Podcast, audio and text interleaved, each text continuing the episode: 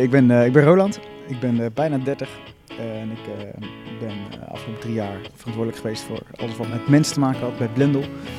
Een media tech startup die bezig is om de journalistiek te redden, innovatieve start-up. En ik mocht daar als eindverantwoordelijke voor HR en mensen, mocht ik daar ja, ook proberen om op een innovatieve manier mensen in beweging te krijgen. En nou, in het kader van het thema van vandaag, natuurlijk betrokken te krijgen en te houden. En mijn naam is Tjeerd de Groot en namens de NVRD ging ik tijdens het jaarcongres 2019 in Ede in gesprek met Roland Grotenboer. We spraken over de HR-kennis die hij bij Blendel heeft opgedaan, maar ook vroeg ik hem naar zaken die relevant zijn voor de afval- en reinigingsbranche. Bijvoorbeeld, hoe vind je nou goede chauffeurs?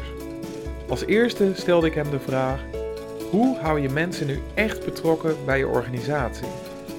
Op het moment dat je je mensen het voor elkaar krijgt om uh, het leeuwendeel van je mensen natuurlijk te betrekken, of in die staat van natuurlijke betrokkenheid te krijgen, dan, uh, dan is dat een vliegwiel voor de rest van de organisatie. De twee dingen die er voor mij uitspringen, is één, zorg dat ze met andere goede mensen werken. En twee, zorg dat ze zinvol werk hebben. Door het aannemen van goede mensen, hiring, het op tijd laten gaan van andere mensen die niet meer passen, firing en feedback. Dus om met je mensen in gesprek te gaan kan je ervoor zorgen dat mensen ehm, met andere goede mensen werken en zelf ook beter worden. En door het grotere plaatje uit te leggen en uit te leggen wat iemands impact is op dat grotere plaatje, op die visie van je organisatie. En vervolgens vertrouwen en verantwoordelijkheid te geven, kan je zinvol werk creëren. Nou, dat is een hele mond vol, maar ehm, ik denk wel dat dat de kern is van hoe je mensen natuurlijk betrokken krijgt. En als je dan kijkt naar de afval- en reinigingsbranche, hoe zou je dat daar kunnen toepassen? Ehm, deze branche heeft een heel tastbaar uh, product. En in die zin een heel cruciaal proces in ons hele, uh, in, in een soort van de, de, circle of life, de kringloop, de kringloop van ons leven. Weliswaar aan het einde, uh, maar als dat einde niet goed geregeld is, ik gaf als voorbeeld, uh, vraag aan alle vuilnismannen om een maandje hun werk niet te doen en je zal zien wat er gebeurt. Dan zie je de impact die deze, um, uh, die deze branche kan hebben. En ook, en dat vind ik vet, ook naar de toekomst gekeken. Wat voor wereld geven we door aan, aan onze volgende generatie? Ik zie door alle talks ook heen vandaag, daar zit een bepaalde bevlogenheid in voor een, voor een goede en, en, en verantwoorde uh, omgang met onze planeet. En dat is wel een element wat er denk ik de laatste jaren echt bij is gekomen. Wat heel, wat heel krachtig is en wat denk ik deze, deze branche echt onderscheidt. En uh, je had het ook over de hiring mentality, hè? dat die uh, door je hele leven heen moet zitten. Uh, leg eens uit, wat, wat is dat voor jou, een hiring mentality?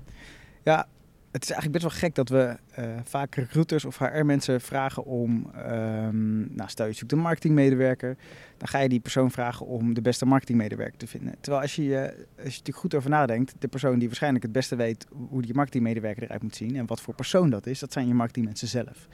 Dus wat ik met een hiring mentality bedoel, is dat je een, een omslag moet maken bij je organisatie waarin je constant op alle mogelijke manieren. Dat is op die verjaardag uh, waar iemand zit te klagen over zijn werk. Uh, dat is uh, in de trein, online, op Twitter. Dat je met mensen binnen je branche en je mensen zelf dus, dus niet één aangewezen persoon, maar je mensen zelf bezig zijn met: hey, wat zijn mensen met wie ik zou willen werken? Um, en uh, op het moment dat ze die mensen uh, vinden, dat ze dat lijntje uitgooien. En dat dat niet zo'n hele hoge drempel hoeft te zijn. En ik geloof als je dat, moet je voorstellen dat 100 mensen, 10 mensen hebben met wie ze dat doen, over een jaar heen. Dat is een stuk krachtiger dan dat je een vacature uitzet. Oké, okay, maar dan, dan wordt timing wel echt heel erg belangrijk. Ja, timing is de, is, de, is de grote crux als het gaat om, uh, om hiring. Um, uh, dus ze zeggen wel eens, uh, bij marketing zeggen ze die, die touchpoints die je nodig hebt, hoeveel aanraakmomenten heb je nodig voordat iemand omgaat. Um, bij, bij, bij sollicitanten is dat 5 tot 10 uh, um, momenten dat je contact moet hebben. En het gaat echt om een relatie. Met, met 10 mensen kan dat. Dus met 10 mensen een relatie hebben, dat op de dag dat ze op een fiets springen en denken: ik heb vandaag echt geen zin om naar mijn werk te gaan. Ik zal Cheers, Roland eens een bericht sturen om te kijken of die zin vinden een bak koffie. En dan moet je zorgen dat je vooraan staat, dat je top of mind bent. En, en als je dan hè, over een sector zoals hier bijvoorbeeld, chauffeurs, dat is een probleem. Uh, we hebben te weinig chauffeurs. Hoe zou je dat kunnen oplossen? Ja, het grappige is dat we um, veel dingen die, die, die ik vertel komen vanuit mijn ervaring met mensen met kenniswerk. Dus dat is niet zozeer met mensen die met hun handen werken. Maar dat neemt niet weg dat in die zin uh, er best wel universele wetten gelden over Ehm, ehm, eh, stel, eh, eh, de chauffeurs gaan met z'n allen naar de rij voor een vette, vette meet-up met brute motoren. De kans dat daar andere goede chauffeurs rondlopen is best wel groot. Dus ehm, ik ken meer HR-mensen dan jij kent.